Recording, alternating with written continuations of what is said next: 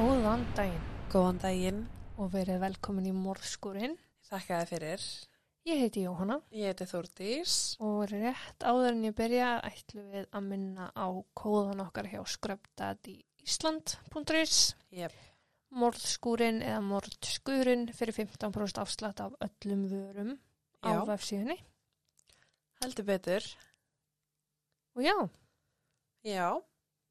ég ætla að mynda mér í málið. Sko það er afar sjaldan sem að mál fer eitthvað hrikala illa í mig. En þetta mál fór alveg hrikala illa í mig. Og bara góðan dag til þín líka. Já.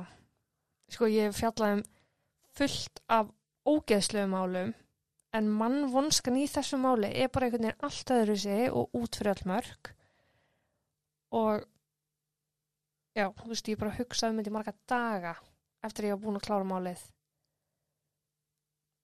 Bara, ég veit ekki. Þetta satt eitthvað í mér. Ok. Get ekki sagt í sér spennt. En Rachel Burkheimer fættist hann 16. janúar árið 1984 og hún var dóttir að Denise og Bill Burkheimer. Svo var hún litla sýstir Megan. Fóreldrarnar áttu sérst eftir að skilja setna mér Ok. en ég kem til með að tala um þau sem bara fóreldrarnar. Já, já, já.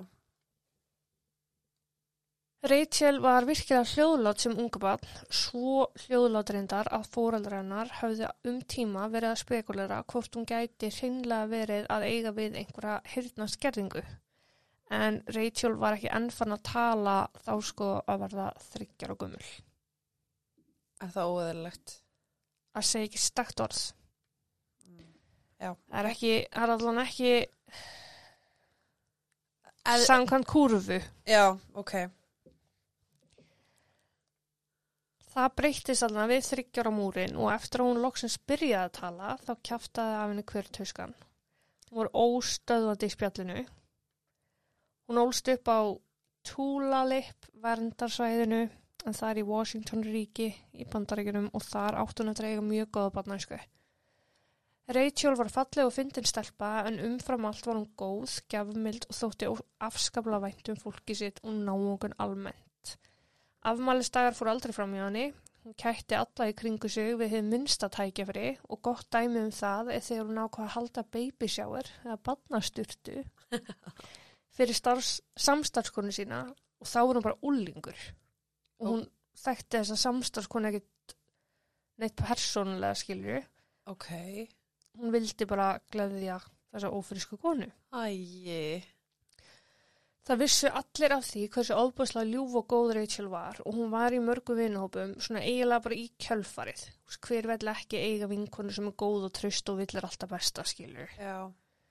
Hún átti allan að fjöldan allan að vinum og það var svo leys bara jála að gera í félagsleifinu að pappinar hafði ekki undan að svara símanum heima hjá þeim eftir vinnu og hann hefur grínast með það að hann var orðin bara svona persónlegur símsvari. Já, ok.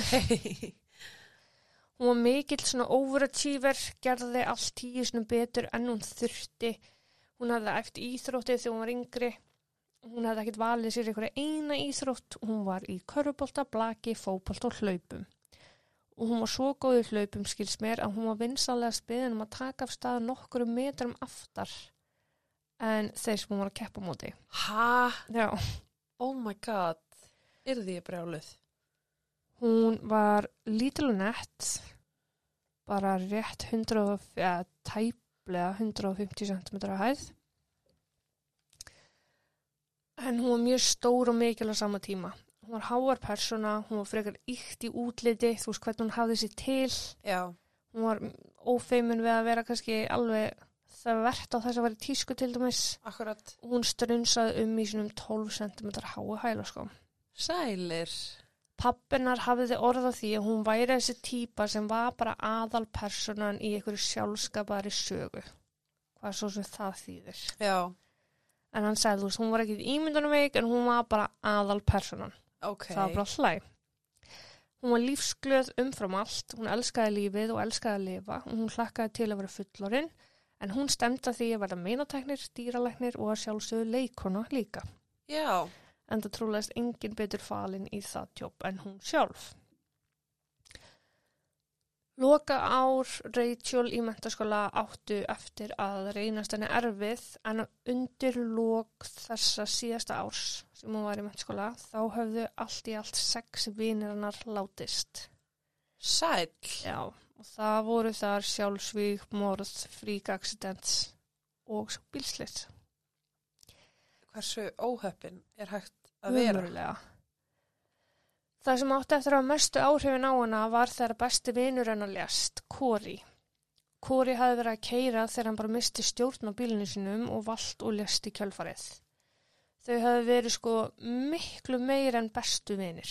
Þau listu sjálf sambandi sínu sem bara sálufélagar og foreldrar Rachel hafa tekið undir þessi orð. Þau voru bara óaskiljanleg, það var ekkert romantíst annað milli, þetta var bara eins og sískina samband. Já. Rachel tekur fráfalli kóris eðlilega bara mjög illa. Hún var búin að líma minningagreinaðan hans upp um allt herbyggt sitt á samt öllum þeim myndum sem hún átti til að þeim og hún sekkur um mikið þunglindi í kjölfarið. Og svo mikið reyndar að fjölskyldan hennar var farin að tala um það að Kori hafi ekki bara dáið þennan dag. Rachel sem þau þekktu hafði líka dáið. Ok. Þessi duglega stelpa sem hafði alltaf unni mikið var félagslind og stóð sér vel í skóla, var allt í henni fann að sleppa að mæta til vinnu, hjælt sér mikið heima og á endanum hættunum mentaskóla. Þrátt fyrir sálfræðastóð sem að, Rachel hlaut þá skánaði ástandi ekki neitt og fóreldrennar og systir horfðu bara á hana einhvern veginn fyrra upp, eða skilju, bara verða yngu. Ekki skánaði það þegar Rachel var farin að nota kókain í miklu magni og enn versnaði ástandið þegar heroínið var orðið hluti af lífi Rachelar. Oh. Hún misti samband við alla þessa frábæru vini sem hún hafði átt og var farin að slæpast með mjög vafasumu liði. Þetta vissu fóreldrar hennar en gátu vúðalega lítið gert. Hún var ennþá þessi stóri ákveðin karakter þrátt fyrir að persónuleikin sem að þau þekktu svo vel var svo gott sem horfin. Veist þessi gleði sem bjó alltaf yfir henni, þú veist það var alveg bara þunglind og búið að taka yfir þar, Akkurat. en hún var ennþá svona staðföst og ákveðin sko. Oh, já. Faði Rachel sérstaklega gerði sig kannski ekki alveg grein fyrir því hversu slæman félagskap dóttur hans var komin í fyrir en hann fór út í póstkassan sinn einn morgunin og opnaði símreikningin sinn sem var þar ofan í. Reikningurinn var upp á 600 dali, sko árið 2001 notabenni Oh my lord. og dóttir hans var búin að vera í stöðum samskiptum við einhvern í fangelsi. Er það svona dýrt? Já. Ah. Síðar átti eftir að koma ljós að sá var maður að nafni Diggy. Hann var ekkert um að vandræði, fórsprakki umkunn að vera skengis, uh, mafju, sem að kallaði sig The Northwest Mafia, sem var í raun bara samansafn af strákum sem að þóttu selja fíknefni en nótuðu mest megnis að því sjálfur. Ok. Diggy var þekktu fyrir að vera algjör bad boy, hann gekk um með byssur þegar hann var ekki fangelsi og stopnaði til slagsmála eins og hann fengi borga fyrir það. Já. Skapið var stórt og vitið var mjög, mjög lítið.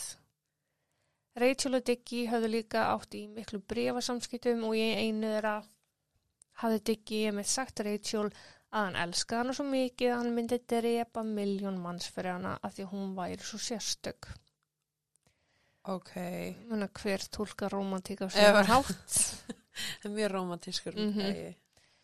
Bill, pappi Rachel, ákvaða að ganga á dóttu sína sem að brást mjög illa við. Hún varði Diggy fram í rauðan döðan og sambandi sitt við hann og sagði pappa sinn bara, þú þú þekkir hann ekki, þú veist ekkert um málið og þú átt bara ekki að vera að skipta þar af mér.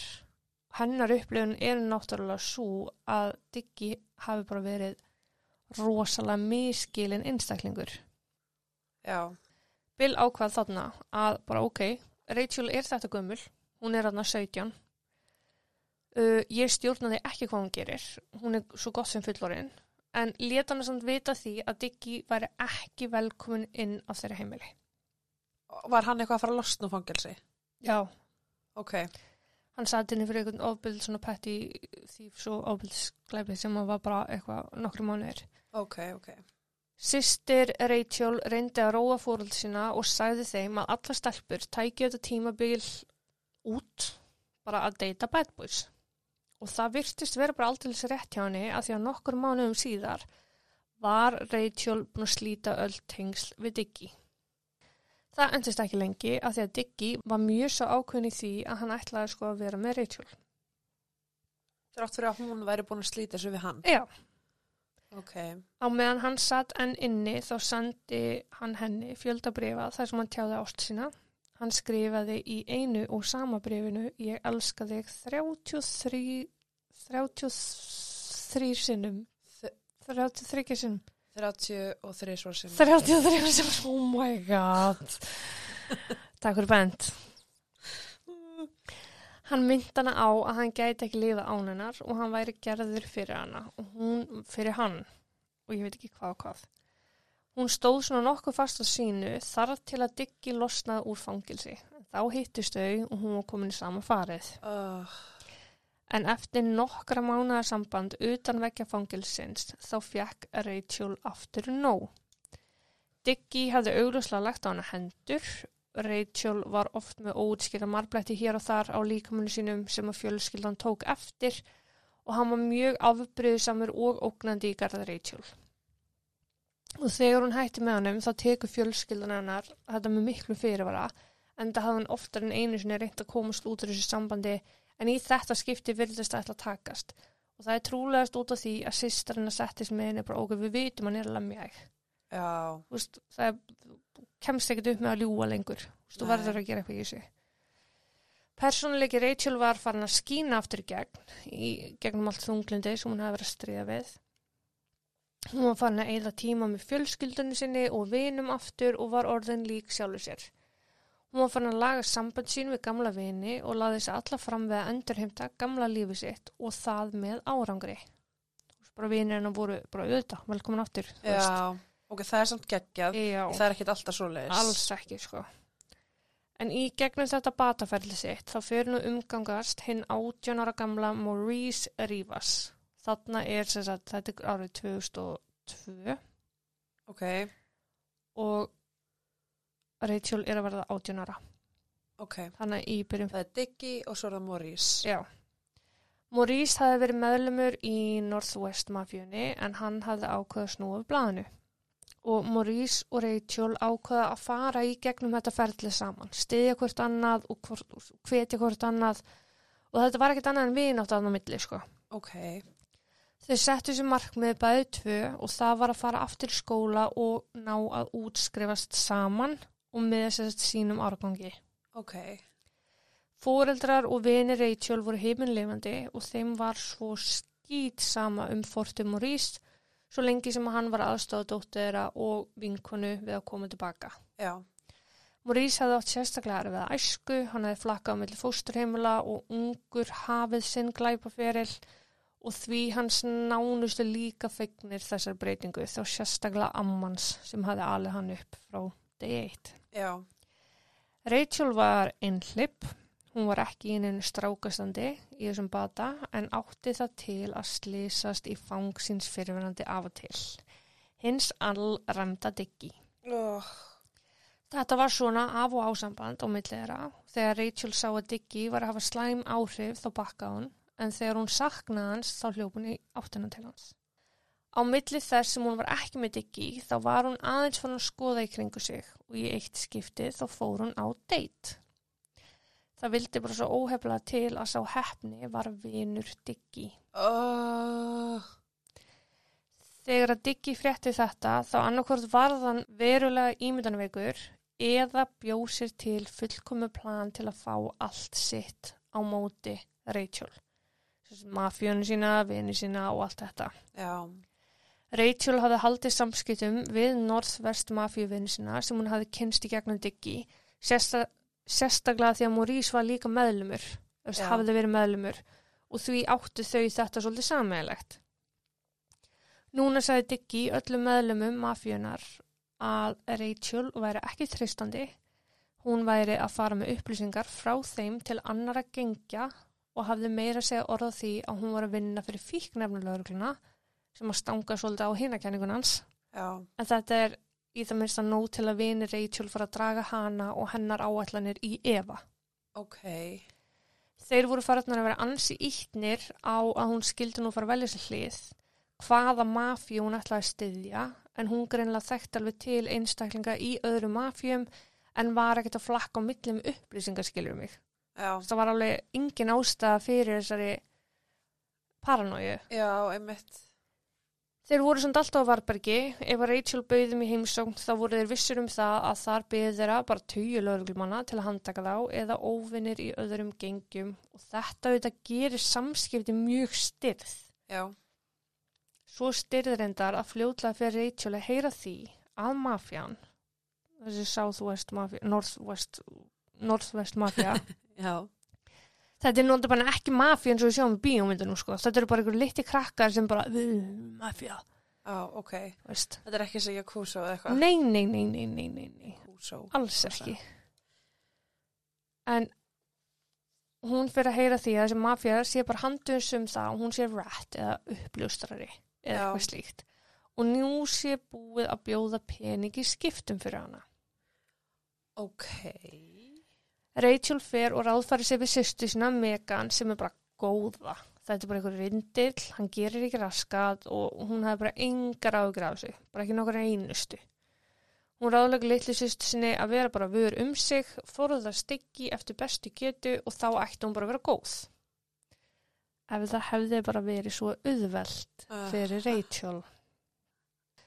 Þann 23. september árið 2002 mætti Rachel í partí hjá vinu sinum í Northwest mafjunni. Maurice vinur hennar var einn þeirra sem var viðstattur og henni leið svona nokkuð örug út af því en erindið hennar í þetta partí var fyrst og fremst til þess að láta þess að gauðra vita að henni væri tristandi. Að hún hefði ekki gert neitt til að brjóta trösti eða svíkja þá. Ok. Þetta verðist hafa gengið að því við tekur bara almennlegt partí.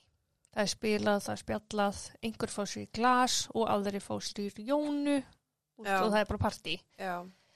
Þar til að Diggi sjálfur gengur inn í partíið alveg svoleiðis öskureiður að Rachel sé þarna og að hans vinir séu bara að skemmta sér með henni. Hann gengur um og slær menn utanundir en það var hann alveg á því að Rachel var ekki bara svikari, heldur væri þeir allir svikarar líka. Hann gengur svo langt að hann tekur upp skambusi. Rachel reynir að malda í móin og ætla bara að fara en hún gerir sér fljótt grein fyrir því að hún hafi gengið inn í gildru og var búin að vera peð í einhverjum sjúkum leik Diggis til lengri tíma. Oh. Diggi og vinir hans í mafíunu Ásand Maurice höfðu verið löngu búin að plana það sem átti að eiga sér stað þetta kvöld. Ásamt Maurice. Yes. Ég held að hann myndi allavega bakkana upp. Mm. Þeir höfðu upprunalega ætlað að ræna henni um daginn en það plan hafi farið í vaskin. Það var þessi strákur sem heitir Nathan. Þeir, þeir ætlaði að lokka hann þangað og uh, komin inn í bíl og ræna henni þannig. Ok. En pappi Nathans kom heim þannig að þeir náðu ekki að gera þetta. Og þá var tekin ákvörðun um að lokka henni í þetta partí setnum um kvöldið. Oh. Rachel reynir eins og hún getur að komast fram hjá fyrirvendi kærast sínum Diggi en hann tekur það ekki mál og kýlir hana svo hún dettur í gólfið. Hann hefst handa við að sparka í búk hennar og höfuð og hinir sem voru viðstættir partíið tóku þátt líka. Rachel var farin að sér lungun þegar hingað var komið svo einn mannana ákvaða að hækka í tónlistinni til að dempa öskurinn hennar. Þeir heldu áfram að kýla Rachel, sparki hana og lemja hana. Og var þetta bara fullt af fólki í veistlu Já, veistu, þetta var bara partí, skilju. á vegum þessara mafíu Já, eða? og þetta eru, þetta eru allan að hérna 7-8 manns. Ok. Um, þeir held áfram að kýla Rachel, sparki hana og lemja hana. Þegar þeim þótti nóg komið, dróðu þeir hana inn í bílskúr. Þar sem þeir bund hana með teipi, tróðu tusku upp í hana og límdu fyrir munnin. Þeir skildu hana eftir á bílskúrskólinu á meðan þeir fóru inn til að ákveða næstu skref. Júsef var einn mannana og hann var orðin reyður á þessum tímapunkti að þeir voru heima hjá kærusnans og hann var mjög ósáttur að þetta var að eiga sér stað heima hjá þeim en hann hafði upprunalega planað mannránið heima hjá Nathan, Nathan fyrir um daginn. Ok, bara þannig að sé kannski ekki hægt að bendla hann við þetta. Þeir urðu því að vera snöggir að ákveða hvað þeir ætlaði að gera. Þeir kaustu á milli sín hugmyndum, myndi Bill, pappi Rachel eiga pening til að borga fyrir dótt sína, lausnagjald, væri besta hópnöðginni eða ættu þeir kannski myrðana.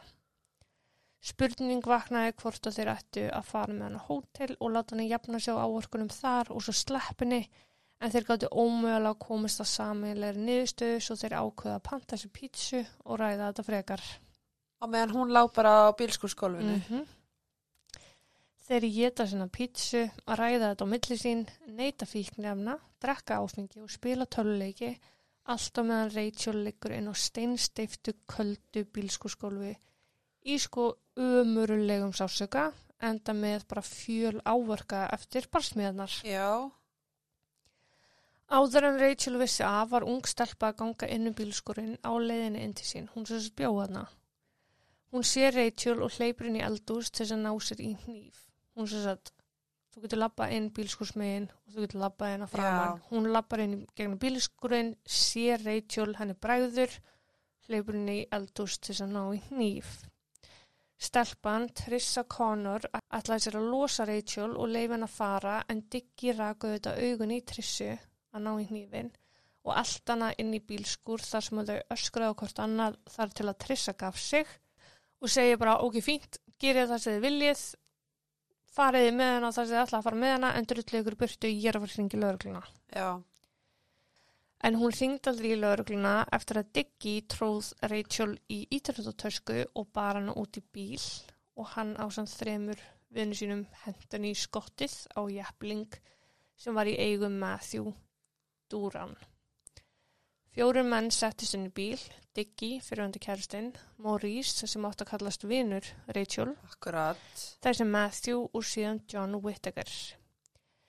Sko, Diggy heitir John, þess vegna er ég að kalla hann Diggy í dag, af því að það er annars John. Ok. Þannig að þið þekkið til málsins. Já. Við tók margar klukkutíma rúndur til að ákveða hvað þeir ætlaði að gera. Á lokum var tekin ákvörunum að keira upp í fjöll en þá höfðu þeir tekið loka ákvörununa þeir ætlaði að myrða hinnar átjónar og gömlu Rachel. Þegar þeir voru komnir upp í fjall það áttaðir sig á því að þeir eru ekki með hennar græjur með sér. Þeir taka því Rachel sem var í íþróttatöskunni út í bílinum og taka hana upp á töskunni uh, og losa um teipið sem hún var með uppi sér Ok. á munnunum á sér. Já. Diggy, Matthew og John ákveða þeir allir saman sækja græjur og Maurice átt að býða með Rachel. Maurice stóði nú einn með Rachel sem að lá bundin á jörðinni, blóðug og bólgin. Maurice hafði sínt afbræðsleikarskap en hann ætlaði aldrei nokkuð tíman að vera edru með Rachel. Þetta var auðvitað allt sem hann plana lungu áður. Hann var bara starfsmæður Diggy. Hún grátt bað Maurice um að sleppa sér en hann harði neytaði. Hún bað þó um að ef þeir ætlaði alvörun að drepa hana og gera sér að gera sér þá þann greiða að drekja sér ekki en hún var hríkalara hrætt við að drukna. Oh. Maurice svaraði, nei, ég held að koma nú ekki til þess. Er og ekkert væri eðlara. Diggy, Matthew og John skila sér loksist tilbaka og nú með skóplu með sér og Rachel er sett ofan í töskuna aftur. Og sjáðu hvernig mikil, sko, óþarfi. Hún er tekin úr töskunni, hún er sett aftur í töskunni núna. Já. Hún er væntalega gjössamlega að fríka út, sko. Já. Hún veit að hún er að upplega sína síðustu mínúti lifandi. Uh -huh.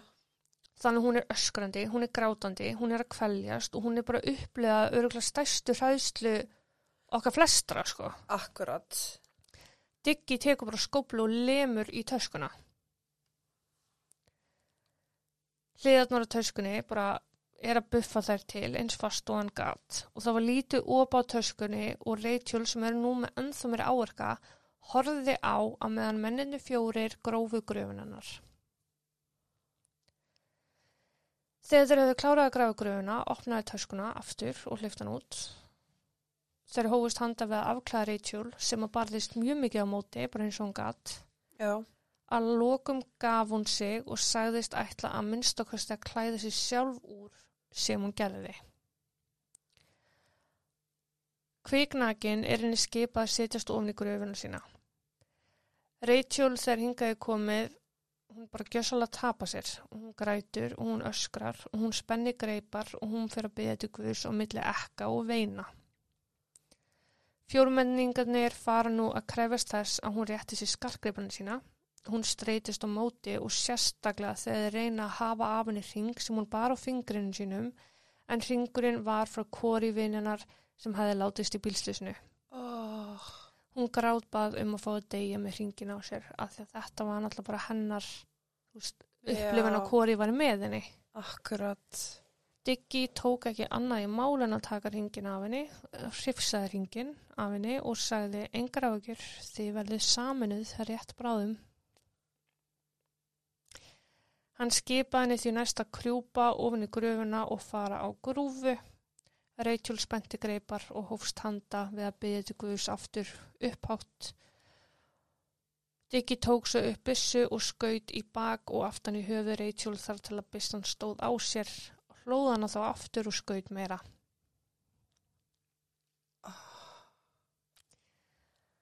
Að beðinni Diggi fóru Matthew, Maurice og John að hilma yfir glæpin.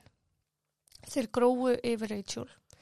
Þeir földu bílanar heima hjá fyrirverandi kærasta Rachel, annar en Diggi, sem sagt. Já, Þeir fylgdu kottaver með öllum vinum Rachels og kveiktu í og restin hentu þau í vatn eða tjörn.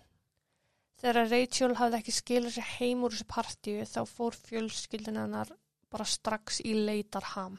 Beinti lauruglu, beinti að grúski máli sjálf, beinti að prenta og dreifi með það, hafa sambandi fólk og gerði bara allt í sínu valdi til að finna hana. já, Lauruglan fór ekki strax að sinna neinni rannsókn. Rachel var fyrirvændi fíknafni neyndi og þeir kannski ekkert með allt og mikla ágjörð því að hún væri einhverju hættu. Þeir voru frekar bara að gæti verið hún hafi farið á tjammið, þú veist. já, En á fjóruða degi held ég alveg örglað að verið að þá hófustur handa og byðluðu til almennings að koma með allar ábindingar ef einhver hafði einhverjar. Móður eins drengsinn sem hafi verið í partíinu, ekki dreng sem hafi tekið þátt í þessu, sem hefði farið og ekki farið Já. með þeim. Ok, gæt gefið upplýsingar um að Rachel hafi verið í þessu partíi og að þessu og þessu hafi verið í því. Lauruglan fari veður af þessum jæfling sem er í eigum Matthew í kjölfarið já, og ákveða að fara heim til hans og sækja Matthew til að yfirheyra hann.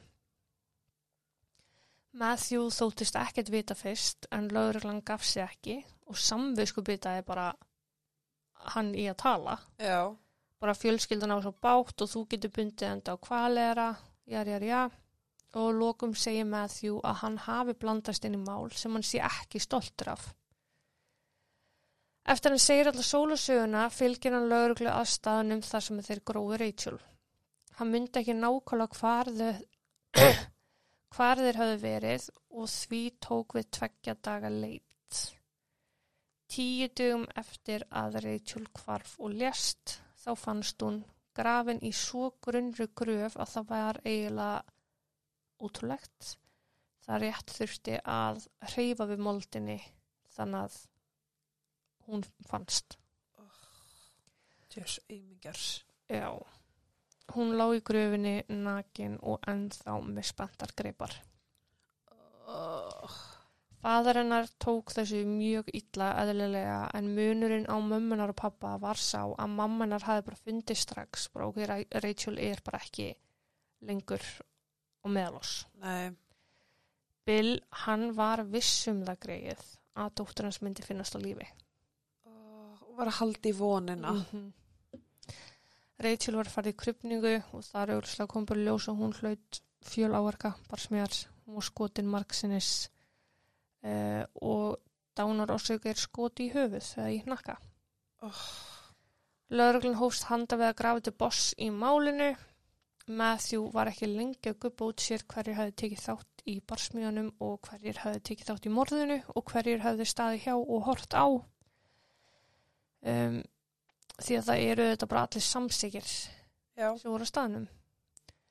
Við þetta svæði, útveðstsvæði sem að Rachel finnst grafin, þar var tjörn og í henni finnst byssan sem að Diggi notaði til að, sko, til að skjóta Rachel til bana. Hilkin utanum byssukúlunar höfðu Mhm. fundist á víð og dreif í kringum gröfina og þær stemdu við byssuna svo þetta ætlaði að verða bara frekar auðveld rannsókn. Já. Er það að segja enn? Nei. Ok.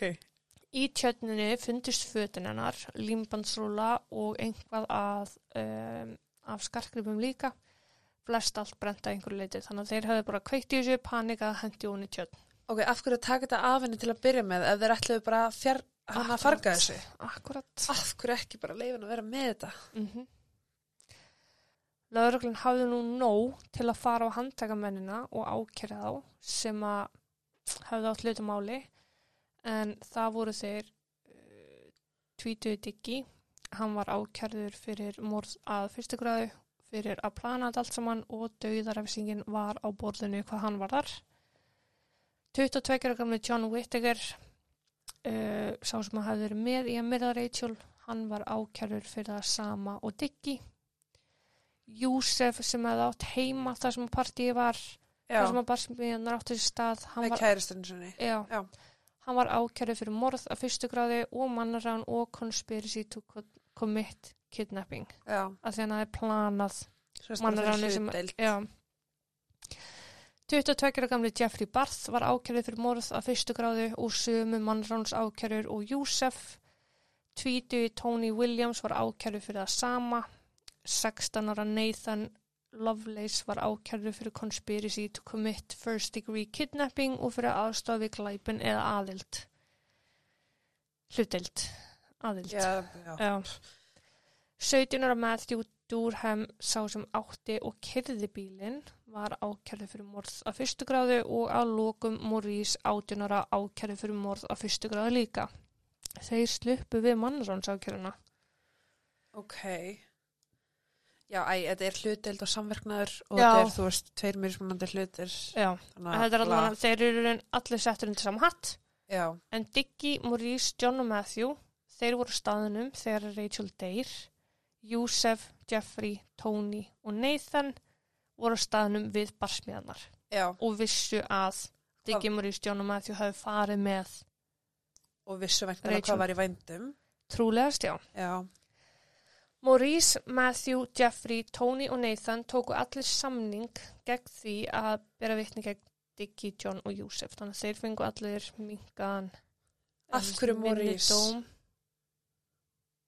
Ha, af Af hverju hverju- Maurice? Hann var á staðnum, hann er einn af þessu fjórum sem að hefði hvað Honum- mest geta komið í veg fyrir þetta. hún er bara bauðst þetta en Diggy, John og Joseph eru þeir sem að voru með þingst ákjörðna, sko.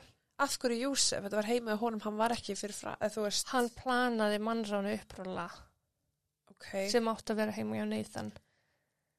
já, þú veist, mér finnst að Maurice ætti að fá, sem sagt, herri, Já, fyrir leikaraskap, já, ég er bara hjertalega saman. já, sko. og líka bara fyrir það að hann hefði getað komið í veg fyrir þetta þegar hann beigð einn Mm.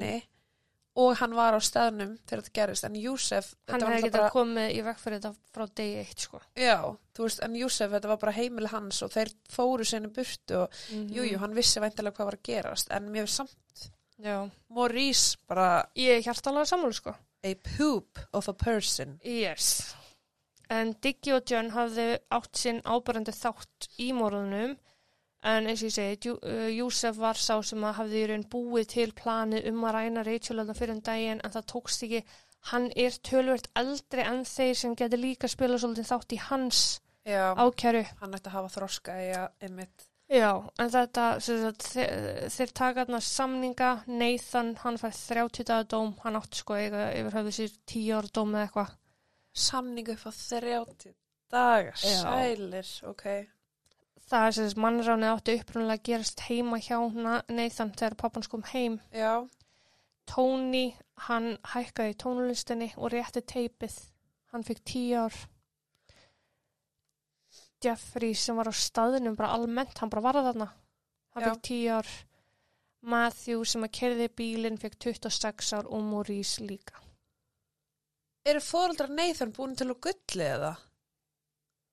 Já, ég skil ekki alveg af hverju hann fær ekki meira, sko. Kanski var hann bara fyrsti til að Hann taka er, við. hann er 16 ára, sko.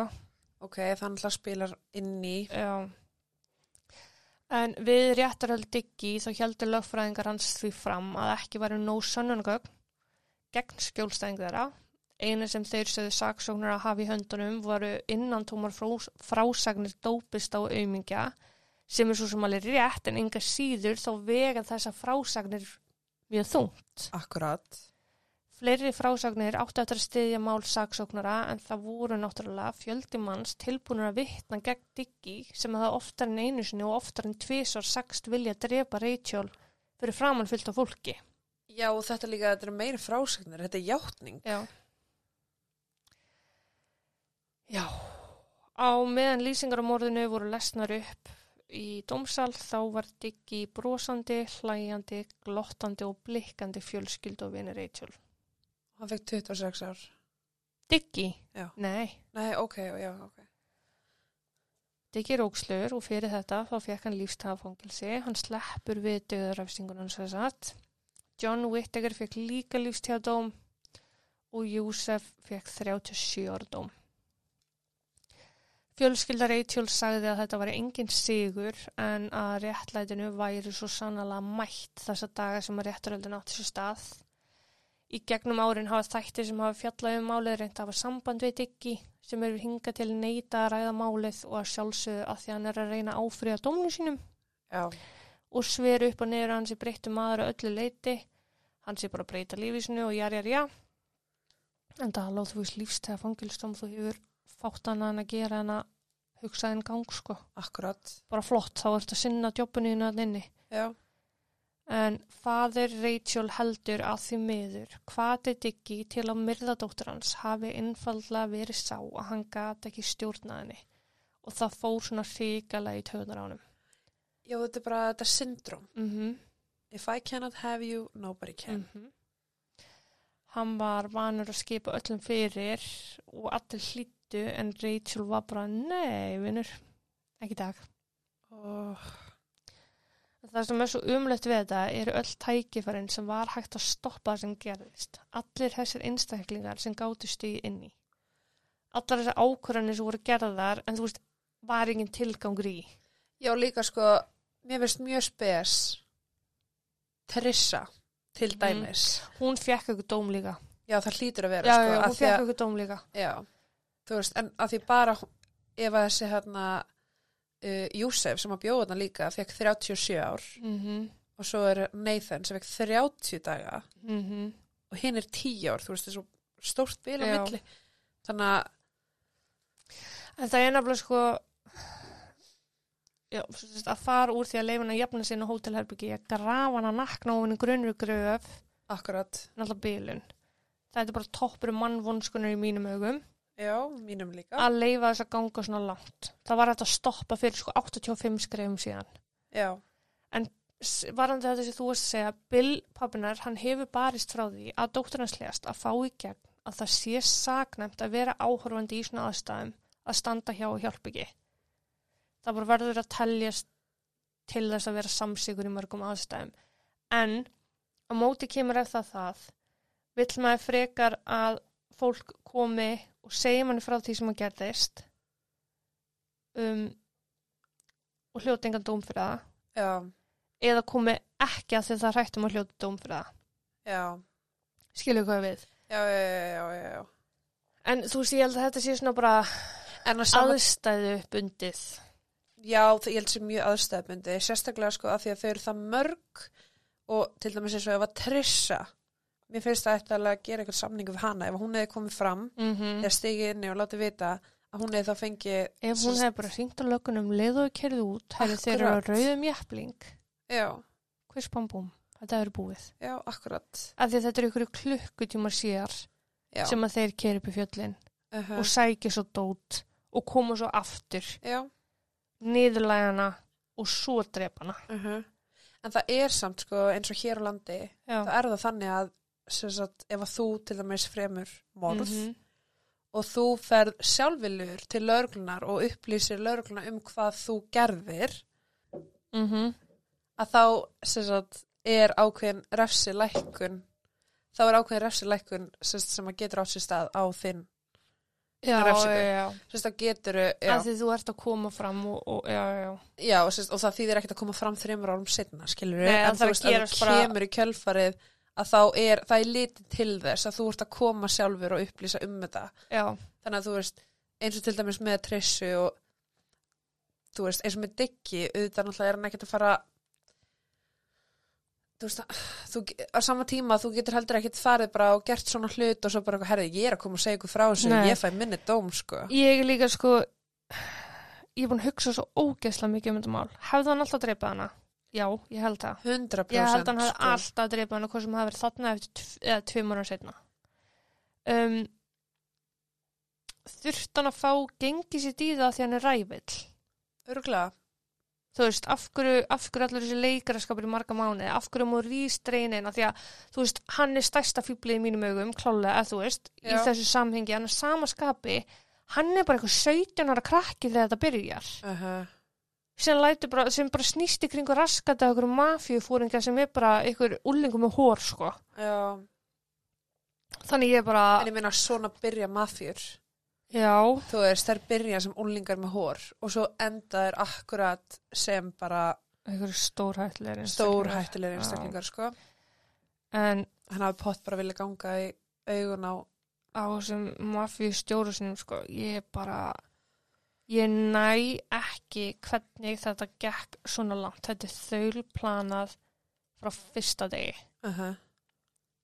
þú veist, Diggi var strax held- búin að planta ykkur kæfta í hausinu öllu sinni gengi Já, líka sko, ok, ef að þú veist, á hans að vera leiðileg en Mm. ef að Trissa í laurugluna lauruglan hefði, þú veist, einmitt hann sama bílinn og tekið hann í burtu mm -hmm. ok, jú, hún er kannski mögulega getað fengið nálgunabann á Mm. þá þeir eru kannski sitt inn í þú veist, fjóra dagar skilur eða eitthvað En fyrir mannrán samt, þarna var þetta okay, mannrán, hún er í 30 daga. tösku. ég minna, þú veist, með Já, hana- nei, það já, var en, 16 samt, tökum Já. það í með, já. en þú veist, ok, jú, þetta er náttúrulega mannrán þannig að jú, þeir getur sitt inni en það er enginn að segja með það þegar þeir eru annarkvort búnir að setja dómin af sér Mm eða þá að þeir eru með eitthvað fleiri í þessari klíku já. hún hefði allan daginn ekki verið örug Nei, hún hefði sjálfsagt þurft að fara í ykkur að vitnavernd eða einhvað. Já, og þú veist, nálgunabann nálgunabann í dag Það bara, það gerir ekki raskat Nei. af því að þú veist það er ekkert sem að stoppar aðilan til að koma nálægt mér ef ég er Nei. með nálgunabann ef hann ætlar sér þá gengur hann bara timmi sko. algjörlega. þannig að þú veist og stundum er það kannski of seint Mhm. þá að einmitt kalla eftir aðstóði eða tilkynna nálgunabrótið Mm -hmm. þess að aðilin er Komin, og Komin. ég hef búin að skada Akkurat. áður en þú hefur tækifæri til. já, þannig að þú veist, ég held að þeir hefðu allan daginn. Gert eitthvað Sko, Maurice, Maurice og John, já, þeir báðir áfriðu dóminu sína og John fekk nýréttaröld sem að litu út fyrir að yrðu honum í hag. ok en hann var bara, það var bara staðfyrstu dómurinn hans og núna á tveggjara fresta á mán sækjum áfríðun. ok, Þannig að ef að þessir menn, þeir eru allir komnir á þann stað í lífinu núna að þeir mega að sækjum áfríðun. já, Þessi sem fengur náttúrulega, þú veist þessi sem sátt inn í tíu ár þeir eru komin út sko. já, Þú veist þetta gerist 2002, það er dæmt í 2003, já þú veist það er 20 ár síðan. sita af sér líka þú veist 60% af dómnum með eitthvað slikt Já, nákvæmlega. En, já, ég veit ekki, ég er bara þetta satt í mér svo bara ég get ekki, ég gat ekki hætt og ég á ekki að geta hætt núna heldur að hugsa um bara þessar síðustu mínútur hennar. hversu bara ógæðislega hrætt ertu þú veist það bara- hvað er að fara að gerast En þú veist ekki þú, hvernig, já, þú veist ekki hvernig og þú veist ekki hvenar þú veist ekki hvort þau eitthvað að kveljast, þú veist. já Ó, og, það er, og þú ert ert bókstallega bara sjálfbjarga Ósjálfbaraga. já, Já, hún er ekki sjálfbjarga nei, alls það ekki. kannski getur farið þetta er ekki fyndið Nei, þetta er ekki fyndið. nei, nei. En, ó, ég veit það ekki. Átta fíbl, sjö strákar og þarna. Hún er líka helvítis fíbla þessi stelpa sem ringdi bara ekki lögreglunum, sko. ég veist, hvernig getur haft svona á samviskunni sko. Ég ætla bara að vona hún hafi þetta á samvinskunni. já, ég vona það líka en hafa þau eins og í dag eins og með hana til dæmis að að þú veist, og með uh, til dæmis eins og strákin hann sem var 16 ára, Matthew Mm nei, Nei, Nathan. Nathan þú veist, er hann alveg ennþá til dæmis er, eru myndir af honum eða er allt blörrað þegar kemur á honum að því að hann var það ungur Það eru myndir af möllum, sko. ok, það er svo oft sem að þú veist að það er verið að þegar þetta er barn, að því þú ert náttúrulega barn til átjunar aldurs Já, einmitt. En er það ekki, gilda ekki annað við hérna Juvie? Jú, er sko, þú veist, eins og Junko fór út af málinu að það er einn aðili sem að er bara nánast allar myndir á honum eru blörraðar vegna þess að hann var yngri en hinnir. Já. Herru, ég er að ljúga þér. Ég held... Jú, það eru myndir af honum. Ok. Það eru myndir af honum. Af þeim öllum, sko. Og það verður á Instagram. Þannig Já, En þetta er umlegt. já. Já, já, já. Umurlegt. En það er svo sem lítið við þetta bæta, sko. Annað en bara ég get tala um endalus hvað umlegt. Já, ég hugsa að ég þakki bara fyrir mig í dag. Við minnum á Facebook, Instagram, Partus. Jepsi og bara vonandi eigið öll góðan dag nema Jóhanna. Já, ekki þetta er góðan dag fyrir þetta, sko. yes, yes. Takk fyrir mig í dag. Takk og bless. Takk og bless.